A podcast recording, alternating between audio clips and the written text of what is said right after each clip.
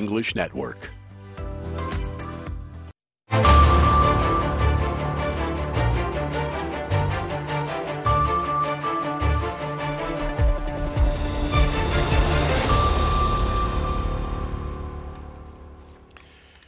fiidwacana wanaagsan dhammaantiinma dhegaystayaal meel kastoo aad joogtaanba kuna soo dhowaada idaacadda caawiya dunida ee laanta af soomaaliga v o a oo idinka soo gaadhaysa washington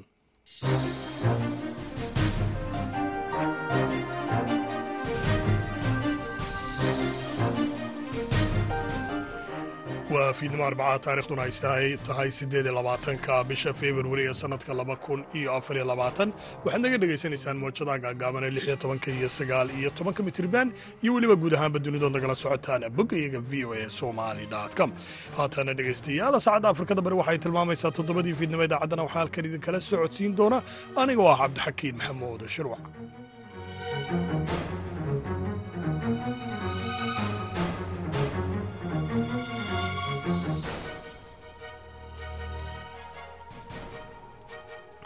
qodobada dhegeystayaal aad ku maqli doontaan idaacadda caawiya dunidana waxaa ka mid a warbixin ku saabsan shirka wasaaradaha shaqada iyo arrimaha bulshada ee heer federaal iyo weliba mid maamul goboleed ee soomaaliya.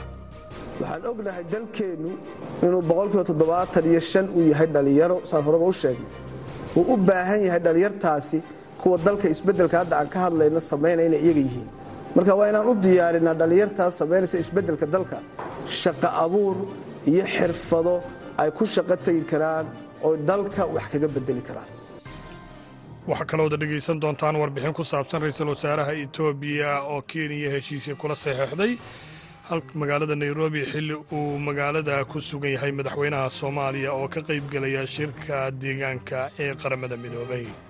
Booqashadan waa mid ka turjumaysa sida uu u soo wanaagsanaanayo ama sida uu u wanaagsan yahay xiriirka etoobiya iyo kenya ka dhexeeyo waxaana ra'iisul wasaarahan waddanka booqasho ku yimid xilli isbuucii hore uu jiray kulan heer wasiire ah oo ay isugu yimaadeen madaxda labada dal waxaana xilligaasi looga hadlay heshiiska iyo iskaashiga kenya iyo etoobiya qodobadaasi weliba kuwa kaloo soomaalida iyo caalamkaba ku saabsan ayaad dhegaystayaal ku maqli doontaan intaan idaacadda ku guda jirno hase yeeshee marka hore ku soo dhowaada. Qaar ka mida qodobadii wararka adduunka ugu waaweynaa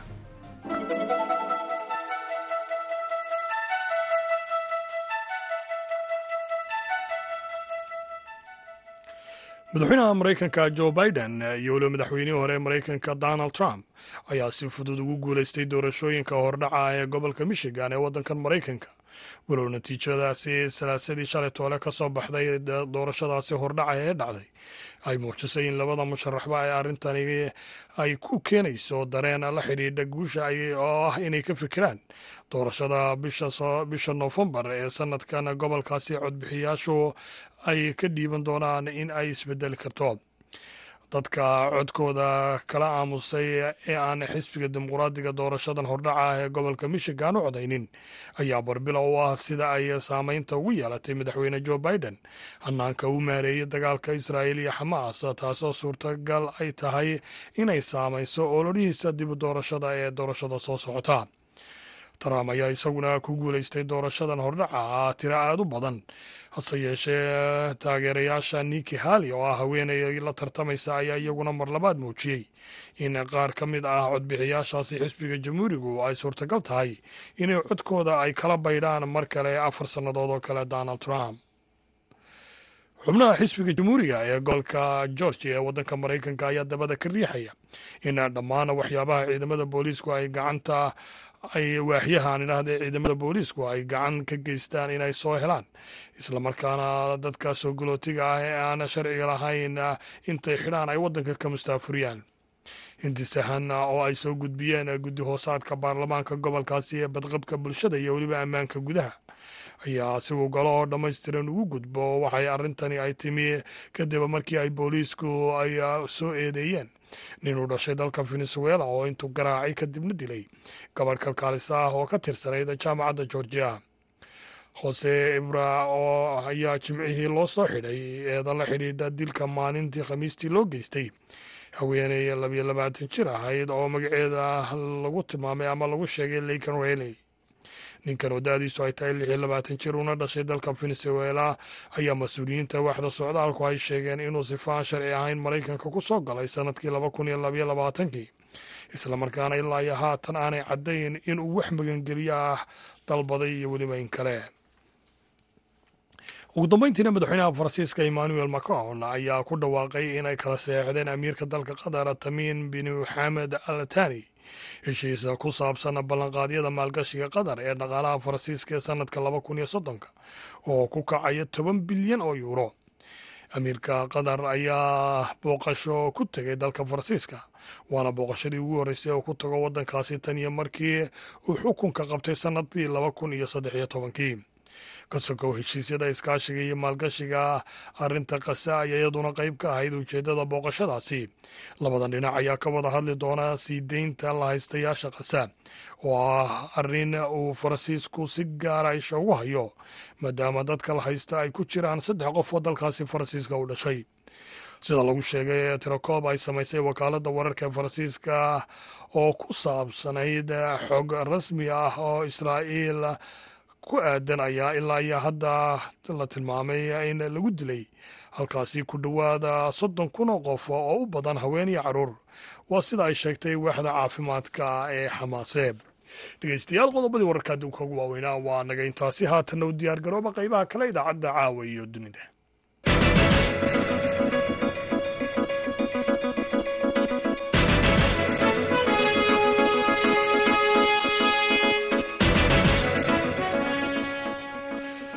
wagaag dhegeystayaal mar kale ayaan idin leeyahay dhammaantiinba fiidwacan oo wanaagsan meel kastoo aad joogtaanba. Aan ku bilownay dowladaha kenya iyo etoobiya ayaa magaalada nairobi ku kala seexday heshiis dhigaya sii xoojinta xidhiirka soo jireenka ah ee ka dhexeeya labada waddan gaar ahaana ganacsiga isu socodka dadka iyo weliba xoojinta nabadgelyada iyo guud ahaanba midda gobolka. Heshiiskan ayaa imanaya xilli maanta uu magaalada nairobi gaadhay wafdi uu hogaaminayo madaxweynaha dowladda federaalk ee soomaaliya xasan sheekh maxamuud kaasoo ka qayb geli doona shirka lixaad ee golaha deegaanka ee qaramada midoobay oo ka qabsoomi doona amaba aan idhahda ka socda magaalada nairobi. Haddaba wariyaha v o a nairobi khadar maxamuud xareed ayaa warbixintan halkaasi nooga soo diray. Heshiiskan ay magaalada nairobi ay ku wada saxiixdeen madaxda waddamada kenya iyo ethoobiya ayaa daba socday kadib kulan heer wasiire ah oo ay toddobaadkii hore ay ku yeesheen magaalada adis ababa ee dalka ethoobiya iyadoo dhammaystirka heshiiskanna ay maanta madaxweynaha kenya william ruto iyo ra'iisul wasaaraha etoobiya abiy axmed ay ku dhammaystireen magaalada nairobi.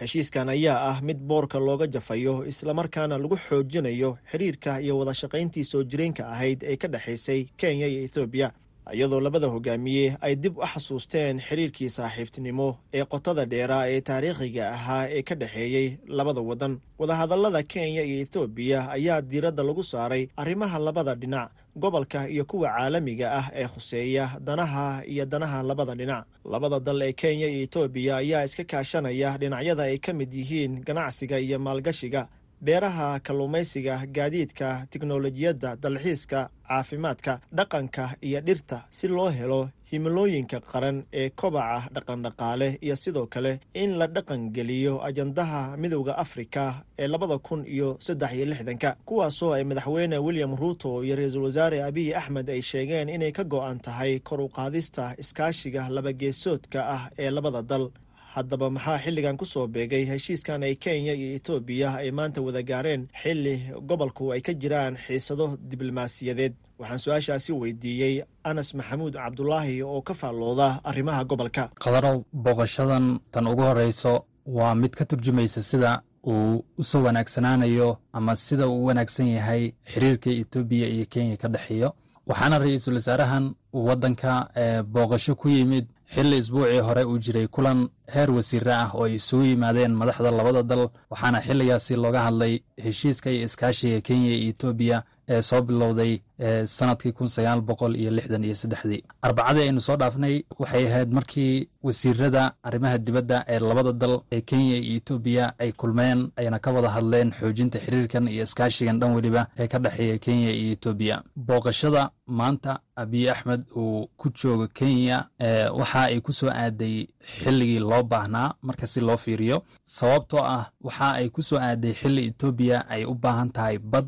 Kowdii janaayo waa kii aynu ogeen oo etoobiya iyo somalilan adhisababa ay ku galeen heshiiskii dhanka badda ee muuse biixi iyo sidoo kaleete abiy axmed ay wada galeen oo xiiso diblomaasiyadeed ka dhex abuuray soomaaliya iyo etoobiya ilaa xilliganna taagan. Marka etoobiya maadaama ay bad u baahan tahay booqashadan waxaa la sheegayaa in ay tahay mid ra'iisul wasaare abiy axmed uu doonayo in uu kala hadlo madaxweynaha kenya william ruto sidii etoobiya ay u isticmaali lahayd dekedda laamo ayna uga faa'iidaysan lahayd mashruuca loogu magac daray ee isku xiri doono dekedda laamo ilaa sidoo kaleete waddamada etoobiya iyo sudaanta koonfureed heshiiskan kenya iyo etoobiya ayaa imaanaya xilli magaalada nairobi uu ka socdo shirka golaha deegaanka ee qaramada midoobey kaasoo ay ka qaybgalayaan madaxweyneyaasha dalalka xubnaha ka ah golahan waxaana madaxda ka qaybgalaysa ka mid ah madaxweynaha dowladda federaalk ee soomaaliya xasan sheekh maxamuud oo maanta soo gaaray magaalada nairobi si uu uga qayb galo shirka arrimaha deegaanka ee qaramada midoobey shirkan ayaa sidoo kale madaxda ka qaybgeli doonta waxaa ka mid ah ra'iisul wasaaraha ethoobiya abiy axmed iyadoo weli uu taagan yahay khilaafka u dhexeeya etoobiya iyo soomaaliya ee salka ku hayay heshiiskiis afgaradka ahaa iyo etoobiya ay la gashay somalilan. Shirkan ayaana noqonaya midkii afraad ee ay isku arkaan madaxweyne xasan sheekh maxamuud iyo ra'iisul wasaare abiy axmed oo aysan dhicin wax wadahadal ah amaba salaan ah oo dhex marta labada mas'uul. Shirkii ugu horreeyey ee ay isku arkeen labadan mas'uul ayaa ahaa shirkii sagaal iyo tobankii bishii janaayo ka dhacay magaalada kampala ee dalka uganda ee isbahaysiga waddamada ay siyaasadoodu dhexdhexaadka tahay. Iyadoo shirarkii kale ee xigeenna ay ka mid ahaayeen shirarkii ka kala dhacay magaalooyinka roma iyo adis ababa. Khadar maxamuud xareed v o a nairobi. Dhinaca kalena shirkadaha waddanka kenya oo waajahaya caqabado dhaqaale ayaa u leexday dhinaca aaladaha ku shaqeeya garaadka macmalka ee loo yaqaano artificial intelligence si loo yareeyo kharashaadka wax soo saarka iyo weliba xayeysiiska. Arrintaasi ayaana walaac ku abuuraysa farshaxanka iyo weliba wakaaladaha xayeysiiska kuwaasoo ka baqaya in aaladahani ay shaqadoodii la wareegaan warbixin amurtaasi ku saabsan waxaa soo diray wariyaha v o a maxamed yuusuf waxaana inoo soo koobaya ismaaciil xuseen farjar. Aaladaha ku shaqeeya garaadka macmalka ahi waxay shirkadaha dalka kenya ay dadaal badan ku bixinayeen in ay si deg deg ah ula jaan qaadaan si ay u yareeyaan wakhtiga iyo kharashkaba. Kartaasi oo ka mid a shirkadaha daabacaadaha ee ugu waaweyn magaalada nairobi ayaa ka mid a shirkadaha kor u qaaday isticmaalka aaladaha ku shaqeeya garaadka macmalka ah halkii ay ku tiirsanaan lahaayeen farshaxanno ay soo kiraystaan haatan waxaa shaqadaas u qabta qalab ku shaqeeya garaadka macmalka ah ama artificial intelligence isaga oo u naqshadeeya buugta qoraallada iyo wixii kale ee ay u baahdaan. Sababtoo ah wax walba waxay ku jiraan farahaaga. Marka waxaad ogaanaysaa inaanad wakhtiga yarayn oo keliya balse sidoo kale waxaad yaraynaysaa kharashka. Sababtoo ah uma baahnid inaad kiraysato qof shaqo kuu qabta sidaas daraaddeed inaad kharashka kaydisid waxaa keenaysa e i taas oo qabanaysa shaqada. David karega oo ah madaxa bariga iyo koonfur afrika ee shirkadda isgaadhsiinta ee woodrow ayaa sheegay in e i ay ka caawiso shirkadaha in ay la xidhiidhaan macaamiishooda.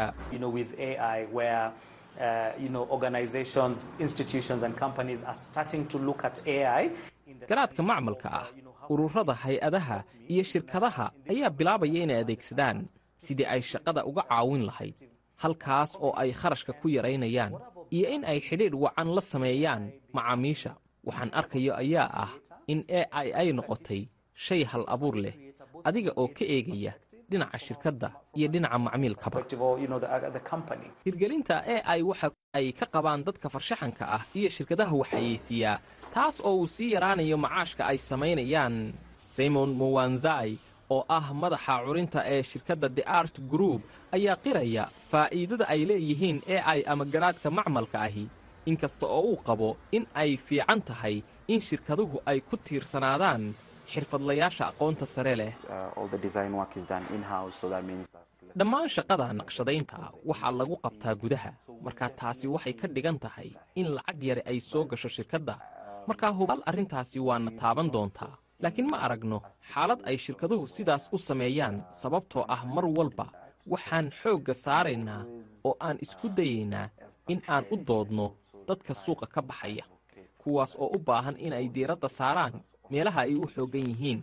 Wakhtigan xaadirka ah barnaamijyada e i ee loo isticmaalo xayeysiintu waxay inta badan abuuraan waxyaabo kala duwan oo qaarkood khiyaali yihiin kuwaas oo u baahan saacado badan in la hagaajiyo. Si kastaba ha ahaatee xarunta cilmi-baadhista xayeysiiyada adduunka ayaa sheegtay in kharashka qaybta xayeysiiyada afrika uu hoos u dhacay. Koob iyo toban dhibic lix boqolkiiba sannadkii hore taas oo muujinaysa suurtagalnimada isticmaalka e i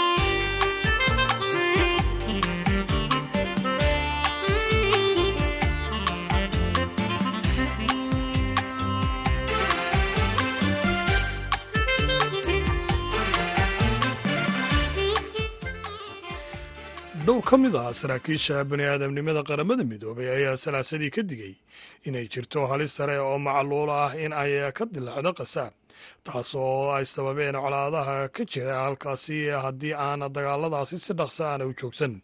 Warbixintan oo ay arrintan ka qortay wariyaha v o e qaramada midoobey margaret basheer waxaa inoo soo koobayaa jamaal axmed cismaan haddii aan waxba laga qaban waxaan ka baqayaa in macluul baahsan oo ka dilaacda gaza ay gallaafato nolosha dad aada u fara badan. Colaadaasi oo tan iyo bishii oktoobar ay gallaafatay nolosha ku dhawaad soddon kun oo qof ayna ku dhaawacmeen in ka badan toddobaatan kun oo kale sida ay sheegtay wasaaradda caafimaadka ee gaza. Waxaana macluushaasi suuragal tahay in ay khatar kale ku keento dadka dhibanayaasha ah ayuu yidhi ramesh rajazingam oo ah agaasimaha qaybta isku xirka xafiiska bini-aadamnimada ee qaramada midoobey waxa uu khudbad ka jeediyey shirka golaha ammaanka ee qaramada midoobey oo ay soo qabanqaabiyeen dalalka algeria guyana slovenia iyo switzerland iyadoo ay sii kordhayaan walaaca laga qabo in gaajada loo adeegsado hub ahaan dagaalka.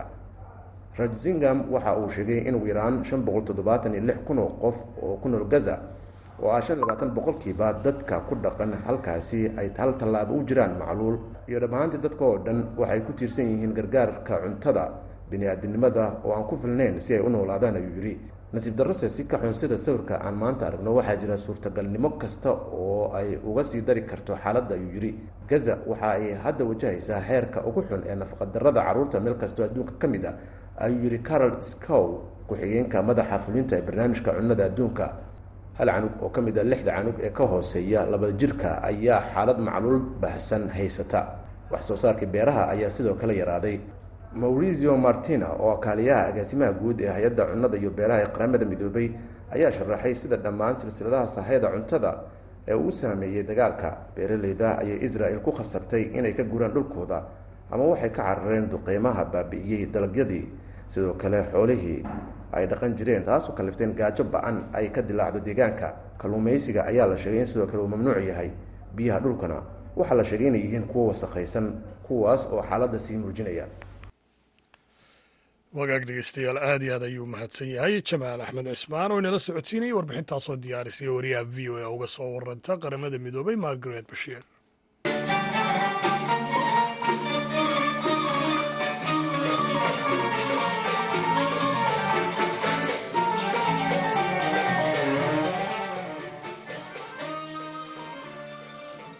ciidanka maraykanka ayaa ka dhimaya ciidankooga afar iyo labaatan kun askari tiradaas oo u dhiganta ku dhowaada boqolkiiba shan tirada guuda ciidanka.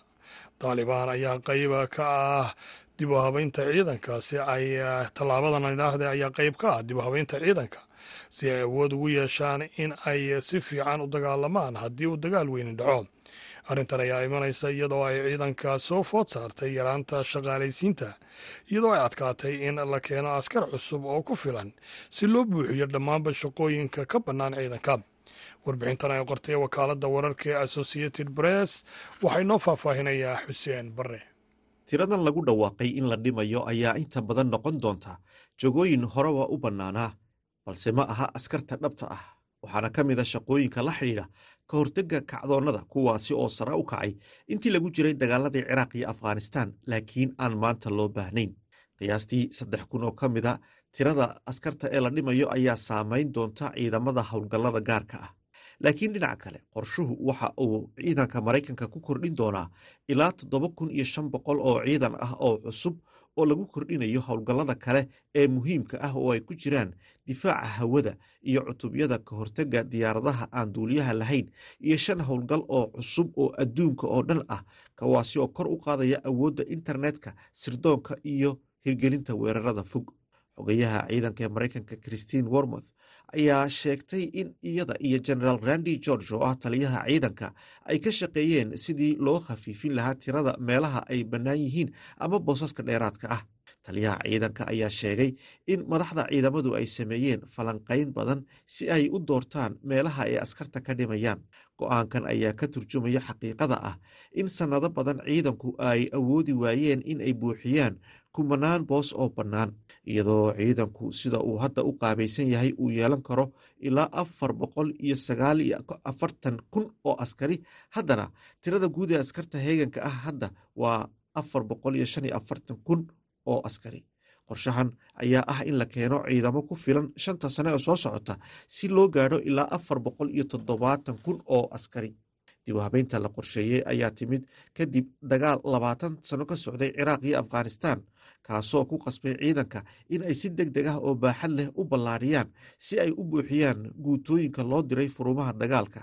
Taas waxaa ka mid ahaa howlgal ballaaran oo ka horteg ah oo lagula dagaalamayay alqaacida taalibaan iyo daacish muddo kadib waxaa diiradda militarigu u wareegay tartan awoodeed oo weyn oo ka imanaya shiinaha iyo ruushka iyo hanjabaadaha iiraan iyo waqooyiga kuuriya. Sidoo kale dagaalka ukrein ayaa muujiyey baahida loo qabo in xoogga la saaro nidaamka difaaca hawada iyo awoodaha farsamada sare ee labadaba. Hogaamiyaasha ciidamada ayaa sheegay in ay si taxadar leh u eegeen dhammaan qaybaha shaqada ee adeega iyaga oo raadinaya meelo wax laga gooyo waxayna baaritaan ku sameeyeen dadaalka socda ee lagu casriyeynayo ciidanka maraykanka iyadoo la adeegsanayo hub cusub iyo tiknolojiyad sare si loo ogaado halka ay tahay in xoogga la saaro. Aad iyo aad ayuu dhegeystayaal u mahadsan yahay. Xuseen barre way nala socotiinayay warbixintaas qortay wakaaladda wararka ee associated press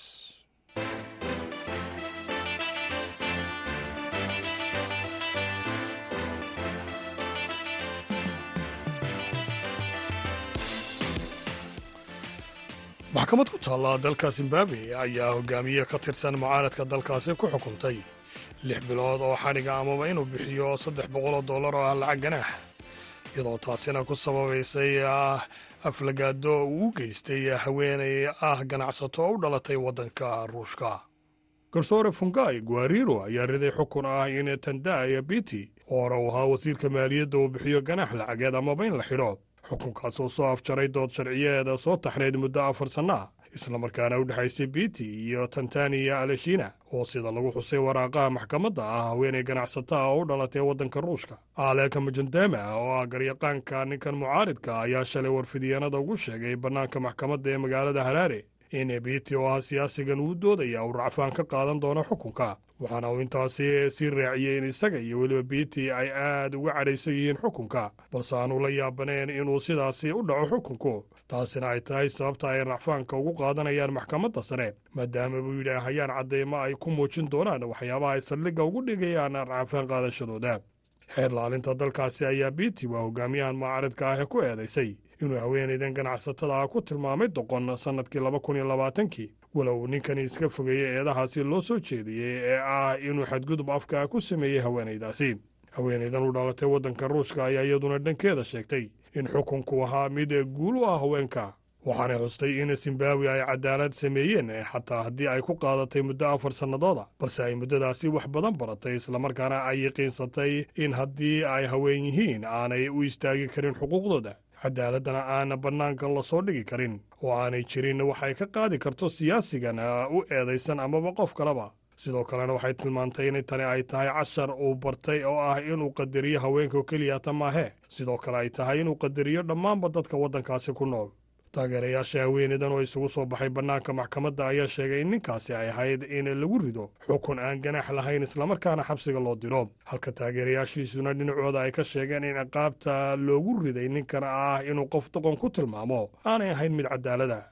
biit ayaa guddoomiye ku-xigeenka ah citizen oo ah isbahaysiga isbeddelka ee dalkaasi zimbabwe oo sidoo kale ah xisbiga mucaaridka ugu weyn saaxiibkii job sikhala oo xabsiga ku qaatay ku dhowaad laba sanno ayaa isagana sagaal bilooda laga dhaafay xabsiga haddii uu bixiyo shan boqol oo dollar bisha maarj afarteeda iyadoo isagana lagu eedeeyay been abuur.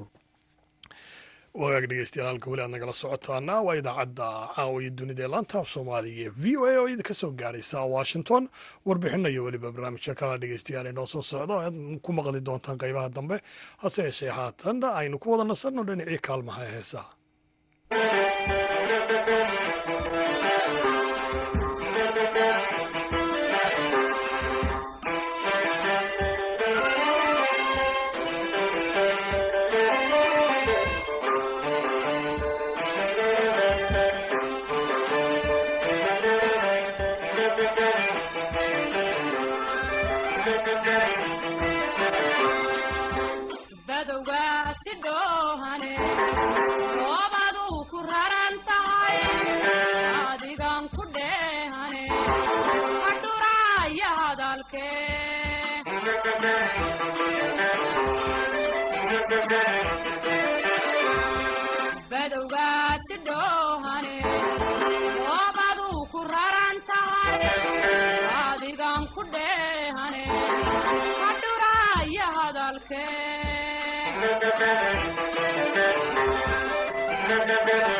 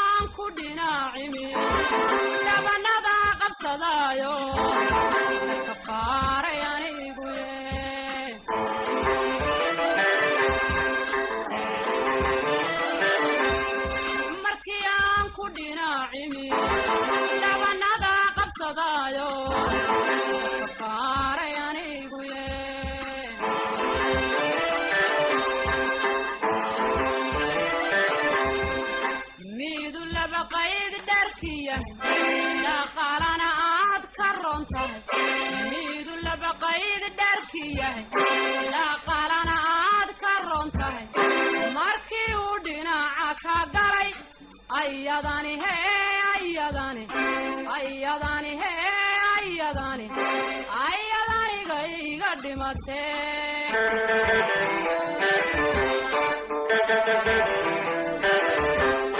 miidulaba qayd dharki yahay ilaa aad ka ron tahay baqayd dhaarki yahay dhaqalana aad ka ron tahay markii uu dhinaca ka galay ayadani he ayadani ayadani he ayadani ayadanigaiga dhimatee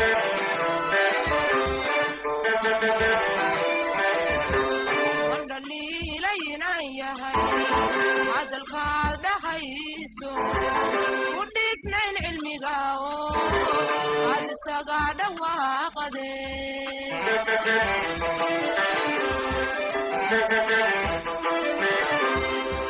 wandhaliilayna yahay hadalkaad dhahayso ku dhiisnayn cilmiga aad isaga dhawaaqade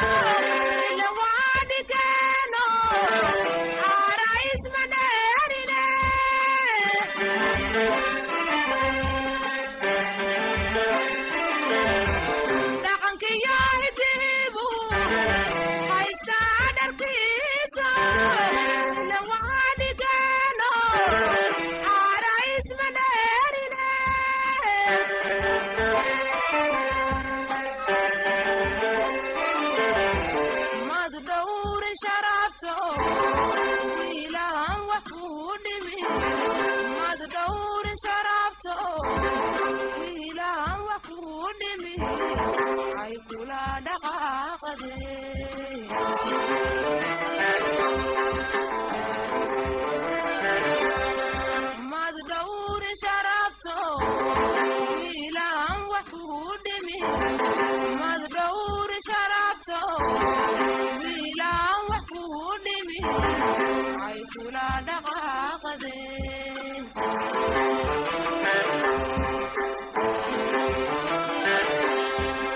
midka laba qays dharkii yahay haddudhayal adiga kula yahay midka laba qays dharkii yahay haddudhayal adiga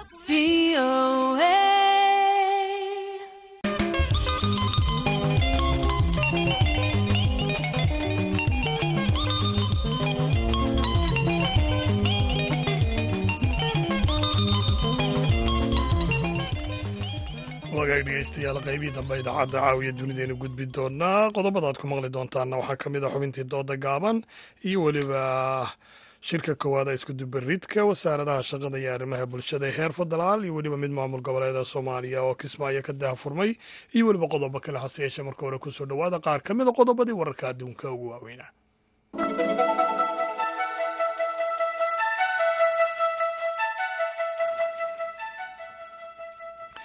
madaxweynaha maraykanka jo biden iyo weliba madaxweynihii hore ee wadankan maraykanka donald trump ayaa si fudud ugu guuleystay doorashooyinka hordhaca ee gobolka michigan.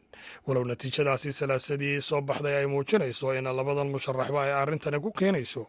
Dareena la xidhiidha guusha ay ka filayaan doorashada bisha noofembar gobolkan oo codbixiyaashiisu ay guurguuraan dadka codkooda la aamusay xisbiga dimuqraadiga doorashadaasi hordhaca ah ee gobolkan michigan ayaa barbilow u ah sida ay saameynta ugu yeelatay madaxweyne joe biden. Hanaanka uu maareeyey dagaalka israa'iil iyo xamaas taasoo suurtagal ay tahay inay saamayso ololihiisa uu doonayo in dib loogu soo doorto donald trump ayaa isaguna ku guulaystay doorashadaasi hordhaca ah tiro aad u badan.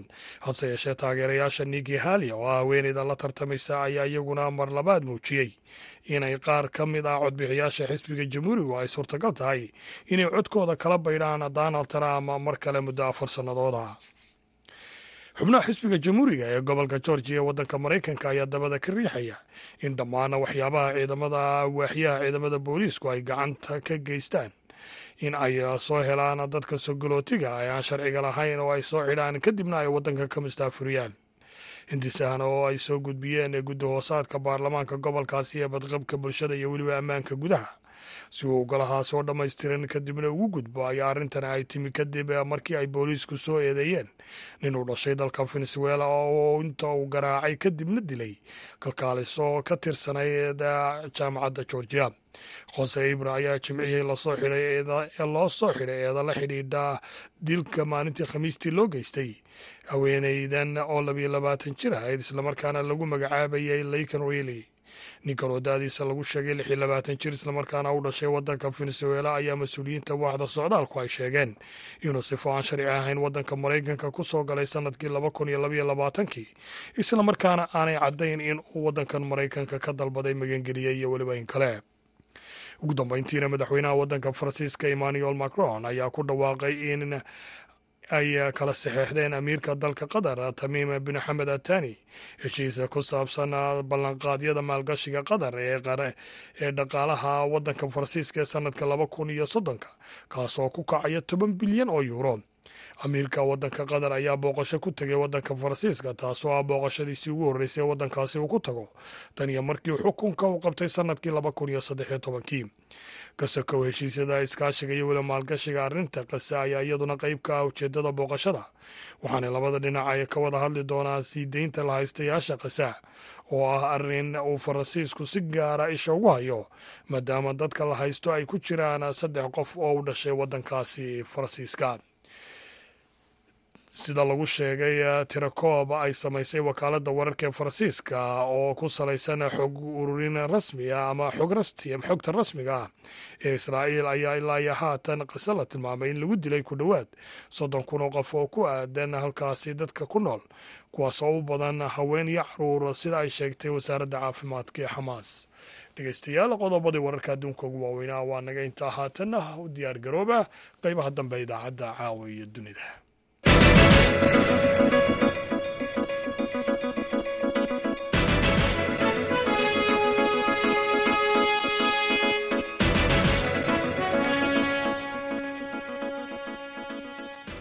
haatan arkismaayo shirka koowaad ee iskudubaridka wasaaradaha shaqada iyo arrimaha bulshada ee heer federaal iyo weliba kuwa maamul goboleed ee soomaaliya ayaa maanta magaalada kismaayo uu ka daafuray madaxweynaha jubbaland axmed maxamed islaam shirkan ayaa waxaa ka qayb galay madaxda wasaaradaha shaqada iyo arrimaha bulshada ee dowladda federaalka iyo weliba kuwa maamul goboleedyada sida uu ku waramayo aadan maxamed salaada.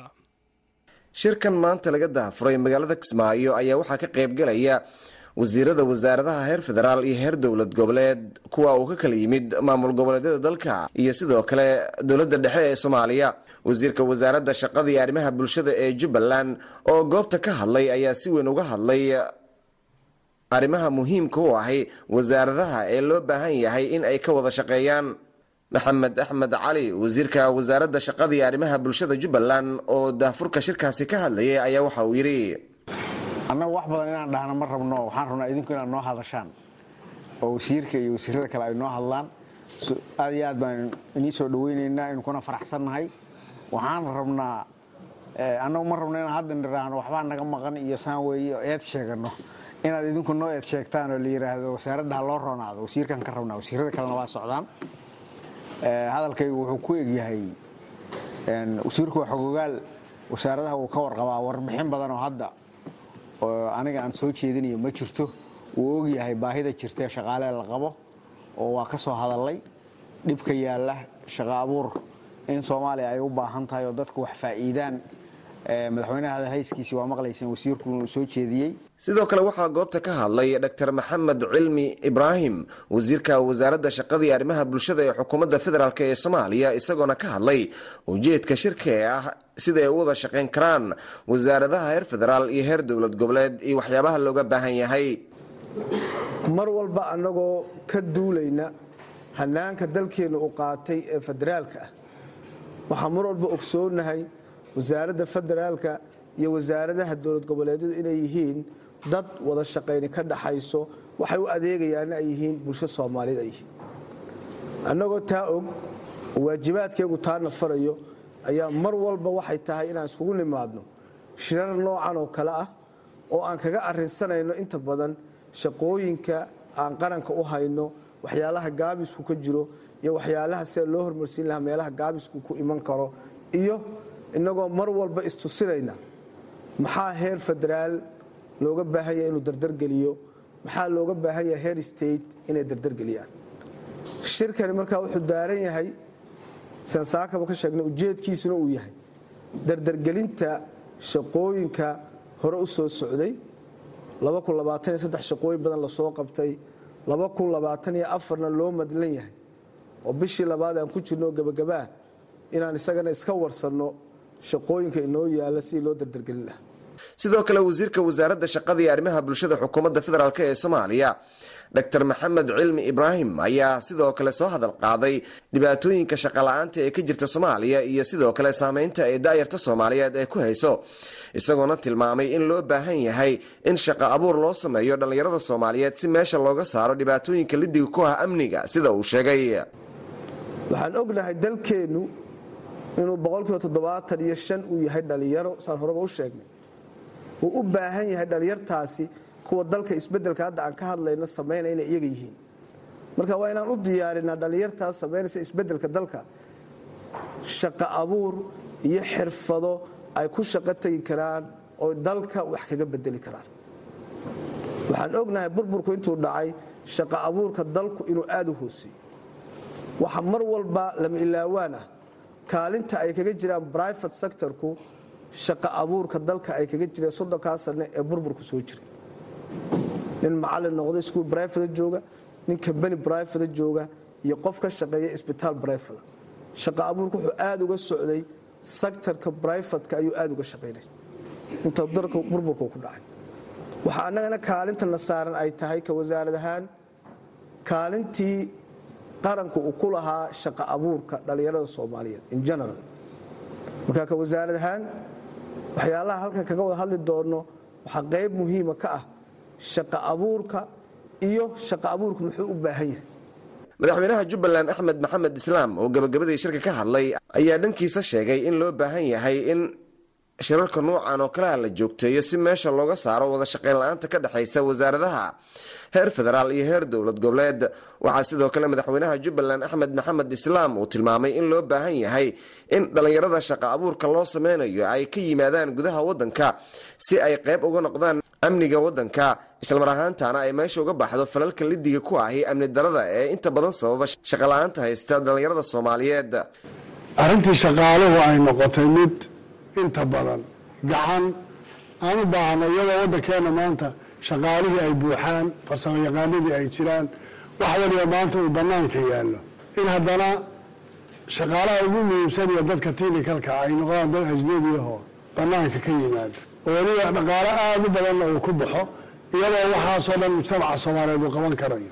Arrintaasi waxaad moodaa inay tahay arrinta maanta ugu baahan in la daadejiyo oo qofka xirfadlaha ee soomaaliga iyo aqoon-yahanka ee soomaaliga ah ay noqoto shaqada isaga uu leeyahay qofkii qaban lahaa inuu isaga noqdo.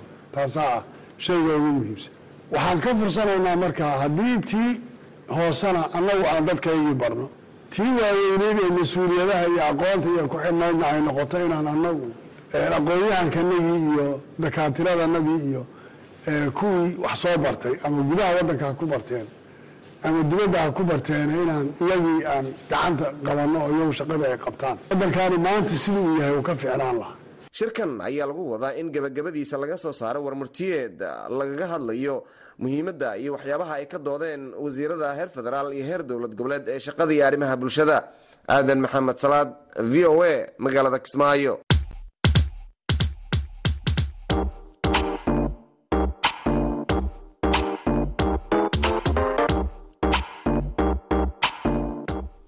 v o a waxaad si toos uga dhegaysan kartaa efemyada magaalooyinka geeska afrika. Haddii aad joogto magaalada muqdisho waxaad v o a ka dhegaysan kartaa v o e da f m teda sagaaliyo sagaashan dhibic sagaal iyo raadiyo muqdisho f m teda sagaashan dhibic eber eber. Redio kulmiye f m-ta sideed sideed redio resala hal eber labo dhibic labo hargeysa sideed sideed dhibic eber v o a. Haddii aad kismaayo joogto v o e da waxaad ka dhegaysan kartaa raadiyo sooyaal f m sideed sideed dhibic eber gobolka hiiraan hiiraan weyn f m sagaashan megaherts redio baydhaba siddeetan iyo sagaal dhibic shan f m. Haddii aad joogto puntland v o a waxaad ka dhegaysan kartaa s b c radio boosaaso siddeetan iyo sagaal dhibic sagaal f m qardho siddeetan iyo sagaal dhibic sagaal f m isla mawjadahaasi waxaad ka dhegaysan kartaa waaciya iyo garowe wajeer waxaad naga dhegaysan kartaa star f m sagaashan iyo toddoba dhibic saddex mandheera waxaad naga dhegaysan kartaan star f m sagaashan iyo toddoba dhibic shan dhadhaab waxaad naga dhegaysan kartaan star f m sagaashan iyo toddoba dhibic hal iyo sagaashan iyo laba dhibic afar. Waxaa kaloo naga dhegaysan kartaan boqol iyo toddoba dhibic lix f m. Xagar dheerna waxaad naga dhegaysan kartaa sagaashan iyo toddoba dhibic hal f m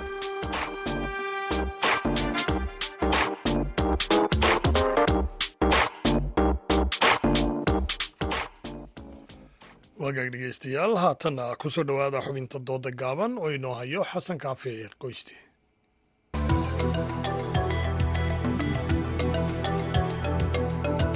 duleedka magaalada muqdisho waxaa ku sugan qoysas badan oo barakacayaala oo deegaanadii ay degganaayeen uga soo barakacay dhibaatooyin isugu jira colaado iyo abaaro.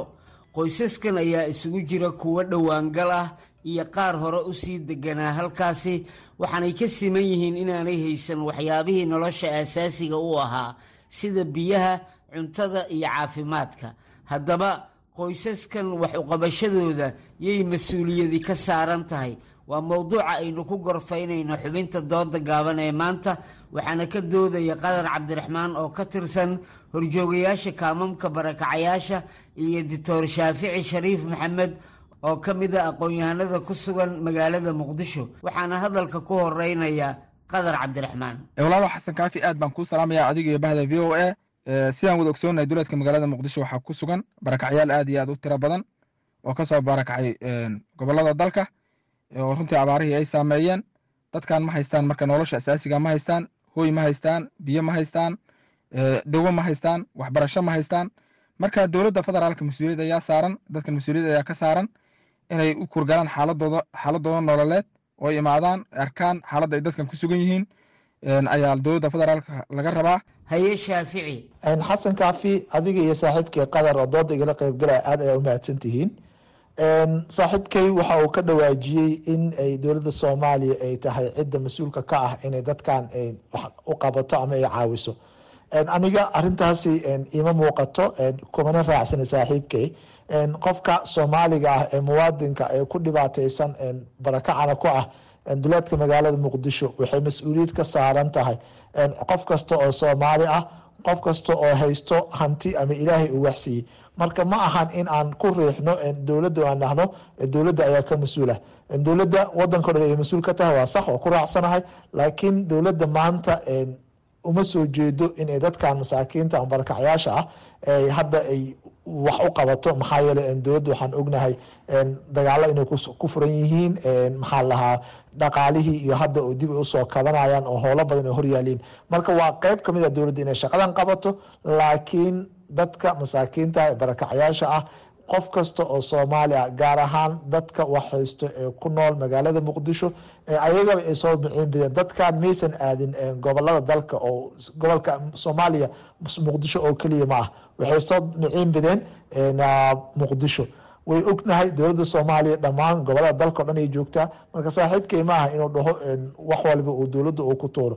Dowladda mas'uuliyadda doorkeeda way qaadanaysaa si lamida shacabka soomaaliyeed ganacsatada dadka wax haysto iyo qof kasta oo kaalin ka qaadan karo inuu dadkan waxeeyo marka soomaalida xataa waxaa jiri kara dad diaasbaraha oo soomaali diaasbara adduunyada joogo oo caawin karo. Qadar maxaa dowladda oo qura ku koobay mas'uuliyadda u gurmashada dadka barakacayaasha ah?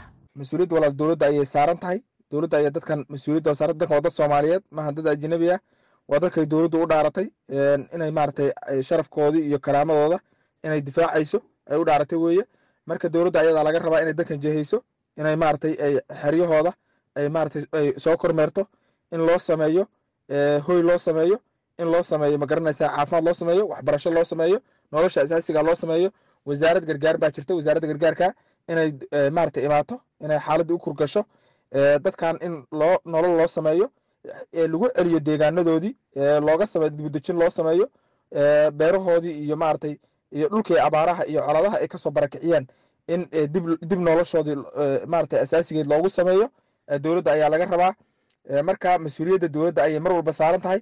Dowladdu waxaa waa shacabka waaye inay jehayso oo dadka noloshooda maarata waa dadka ugu ugu nugul maanta xaaladda ugu nugul waa dadka ugu mudan in wax loo qabto dowladdu inay garab istaagto dadka ugu nugul weeye dowladduna dadka noocaas ee baahiyaha ee adag qaba ayaa la rabaa mar walba dowladdu inay garab istaagto oo wax u qabato. Mar walba dowladda ayaa mas'uuliyadda walaal ay saaran tahay. Shaafici maxaad ku sababeynaysaa in shacabka soomaaliyeed ay mas'uuliyad ka saaran tahay wax uqabashada qoysaska barakacayaasha ah? Waxaan ku sababaya xasan kaafi dadka marka koowaad waa dad soomaali ah waa dad deegaanka ay soo maciin bideen ay ku og yihiin inay ku nool yihiin. Dad isku diin ay yihiin isku dhaqan ay yihiin isku af ay yihiin kana dhexeeya dal iyo dadba. Marka sababtaas ayaa waxay tahay sababta ugu weyn ee dadkan ay u soo maciin bideen walaalahood muslimiinta ah walaalahood ee waxhaysta ee ku nool magaalada muqdisho. Maanta barakacyaasha waxay u baahan yihiin dadka ilaahay waxsiiye ee muxsiniinta ah. Waxay u baahan yihiin dhaqaatiirta ee ilaahay aqoonta siiyey waxay u baahan yihiin shirkadaha waaweyn ee maanta balaayiinta dollar ku ganacsanayo. Haddii marka qof kasta oo muqdisho joogo sadaqada ama zakawaadka laga raba ay siiyaan dadkaas masaakiinta ah wax badan ay u taraysaa. Ogow dadkan ma ahan second citizens ama muwaadiniinta labaad maaha. Waa muwaadiniin soomaaliyeed daruufo ay meeshaan keeneen maantana waxay mudan yihiin in loo gargaaro. Marka waxaan u sababeena oon dhihi lahaa yaanan lagu hadleynin cid kale ama dowlad ha ahaato ama hay'ado banaanka eh shacabka soomaaliyeed gaar ahaan kuwada muqdisho joogo ee ilaahay wax uu siiyey ee balaayiinta dollar ku ganacsanayo iyo xataa dadka aan qasab maha inuu qofka billions dollar ku ganacsado. Muqdisho saddex milyan oo qofooda ku nool dad badanoo waxaa ku nool dabaqada sare iyo dabaqada dhexe. Inta way ay ka buuxaan wayna awoodaan in ay quudiyaan. Dadka kumanaanka qofood ah ee magaalada banaankeeda cooshadaha ugu dhisan yihiin ee dhaxanta iyo qabowga iyo kulaalka iyo maxaa lahaa xataa halista ugu jira cudurrada faafa inay ku dhacaan. Waxaynu joognaa gabagabadii dooda. Xalku muxuu yahay? Aan ku horeeyo qadar. Xalka waxaan u arkaa inay dowladdu ay dadkan hoos u dhowrto loo sameeyo hoy loo sameeyo ay ka galaan roobabka iyo qoraxda ay ka galaan. Sidoo kale loo sameeyo goobo waxbarasho caafimaad biyo loo sameeyo. Biyo xitaa ma haystaan. Nolosha biniaadmiga waxaa ugu muhiimsan biyaha. Biyo ma haystaan. Caafimaad ma haystaan. Marka dowladda inay dadkan hoos u fiiriso weeye dadkan waxa isku jira dad waayeelah dad u nugul maaragtay dhibaatada u nugul carruur haween. Marka dowladda ayaa laga rabaa inay dadkan ay wax u qabato sidoo kale wasaaradda gargaarka oo shaqadeeda ay tahay arrimaha noocan oo kale ah inay u kurgasho xaaladooda ay soo booqato meelaha ay degan yihiin maaragtay dowladka muqdisho ay ka degan yihiin ay tagaan dadkan helaan daryeel daryeel dowladnimo iyo gargaar deg dega oo dowli ah inay helaan shacabku waa shacab ma ma awoodaan taakulaynta intaa la eg dadka kumanaanka ruuxa ee soo maaragtay gobollada dalka ka soo hayaamay abaaraha iyo ay ku dhufteen iyo maaragtay iyo iyo coladaha ay ku dhufteen meelaha ay deganaayeen waxba maaragtay tabar iyo maaragtay lama gaari karaan gacan. Marka dowladda ayadaa laga rabaa inay dadkan ay maaragtay ay jehayso ay wax u qabato nolol u samayso fursado u samayso. Shaafici dhinacaaga haddii aan ku siiyo maxaad ku soo gebagabaynaysaa oo xalkuna kuugu muuqdaa xasan kaafi xalku wuxuu yahay dadkan inay caawiyaan dadka soomaaliyeed gaar ahaan kuwooda ku nool magaalada muqdisho ee marka horeba ayaga ay soo maciin bideen. Maanta meesha ay ku nool yihiin waa duleedka magaalada muqdisho. Ma aha duleedka gobol kale oo ka baxsan magaaladan. Haddaba dadkan magaalada jooga ee muqdisho waa dad ilaahay wax siiyey waa dad aqoontii iyo hantidii iyo caqligii soomaaliyeed meesha uu ku midaysan yahay waa magaaladan muqdisho. Ayaga ayay tahay inay u istaagaan dadkan inay caawiyaan. Waxaa loo caawin karaa guri guri ayaa loo caawin karaa shaksi shaksi ayaa loo caawin karaa. Waxaa kaloo loo caawin karaa in dhakhaatiirta ay u istaagaan. Jaamacadaha ardayda dhiganaysa ay istaagaan. Aqoon-yahanka maxaa lahaa waalidiinta carruurta cid waliba way caawin kartaa. Haddii aan arrintaas la yeelin dadkaas dhibaatada way ay ku sii jirayaan magaalada muqdishona dhibaatadaas waa ay saameyn doontaa. Marka ma qabo in la yidhaahdo dowladda la sugaay shacabka ayay u taallaa. Intaas ayaynu dhegaystayaal ku soo koobaynaa. Xubinta dooda gaaban oo ay maanta igala qayb galeen qadar cabdiraxmaan oo ka tirsan horjoogayaasha kaamamka barakacayaasha iyo doctor shaafici shariif maxamed oo ka mid a aqoon-yahanada ku sugan magaalada muqdisho. Tan iyo kulanti dambe nabadee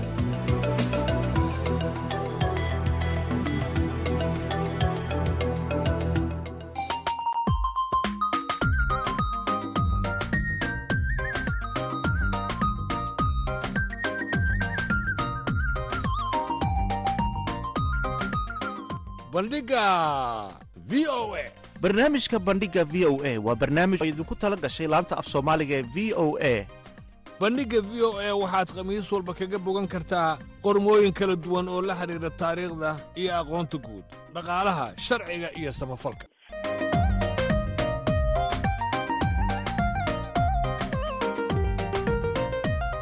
Haddii aad rabto inaad wax ka ogaato taariikhda dunida iyo aqoonta guud ha moogaan bandhigga v o a. Bandhigga v o e kala soco laanta af soomaaliga ee v o e maalin kasta oo khamiis ah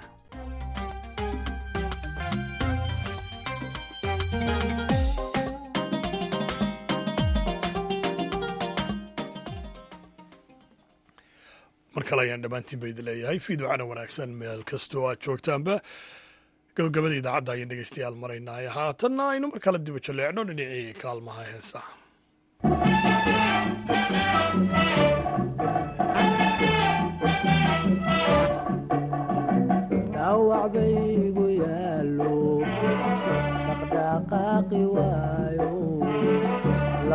Dhabarka celisa labaa dhinaci noqote dhawacbaygu yaallo dhaqdhaqaaqi waayo. Lafta dhabarka celisa labaa dhinaci noqote. Ruux jooga ilaa looma dheelo. Dhanta looma celiyo tahi lama dhegayste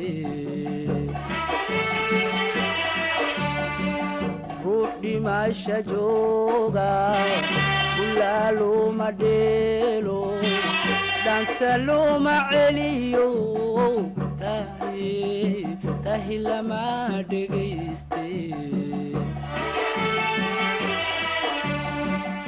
axdigii dhexdeeniyo wada dhalashadeeni aqalkan dhisaynaad dheegihii ka tuurte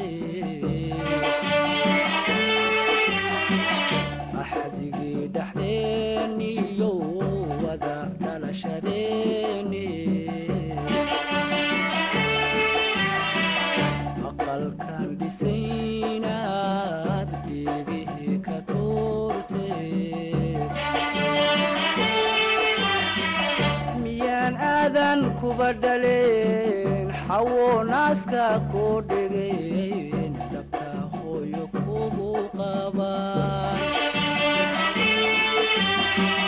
miyaan aadan kuba dhaleen xawo naaska koo dhegeen dhabta hooyo kugu qabaan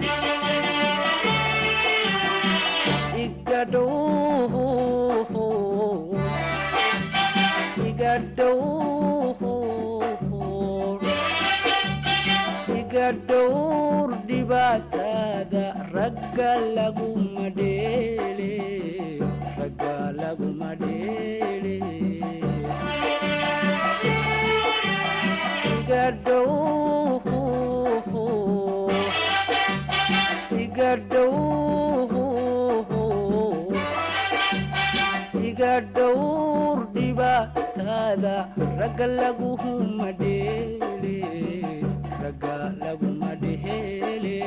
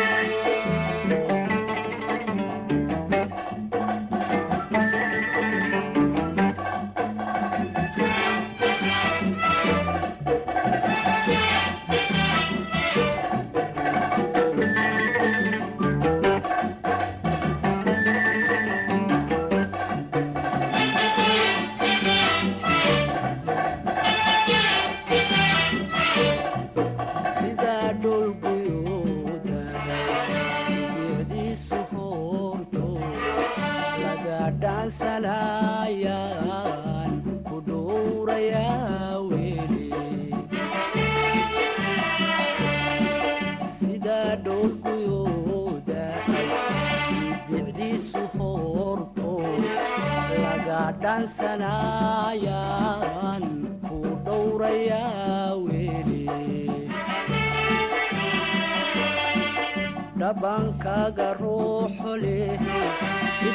cagama soo dheege dambaalkii wadkaygay kuma dhaafi karaye dhambankaaga ruuxo leh ifka cagama soo dheege dambaalkii wadkaygay kuma dhaa